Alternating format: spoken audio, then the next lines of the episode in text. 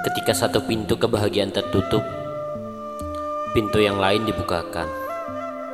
Tapi sering kali kita hanya terpaku terlalu lama pada pintu yang tertutup, sehingga tidak dapat melihat pintu lain yang dibukakan untuk kita.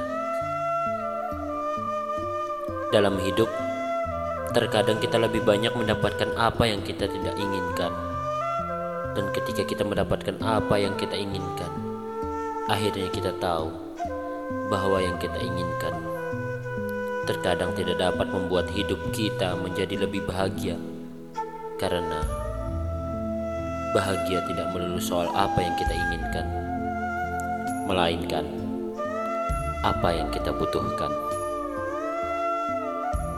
Panji Ramdana menuju baik itu baik pintu kebahagiaan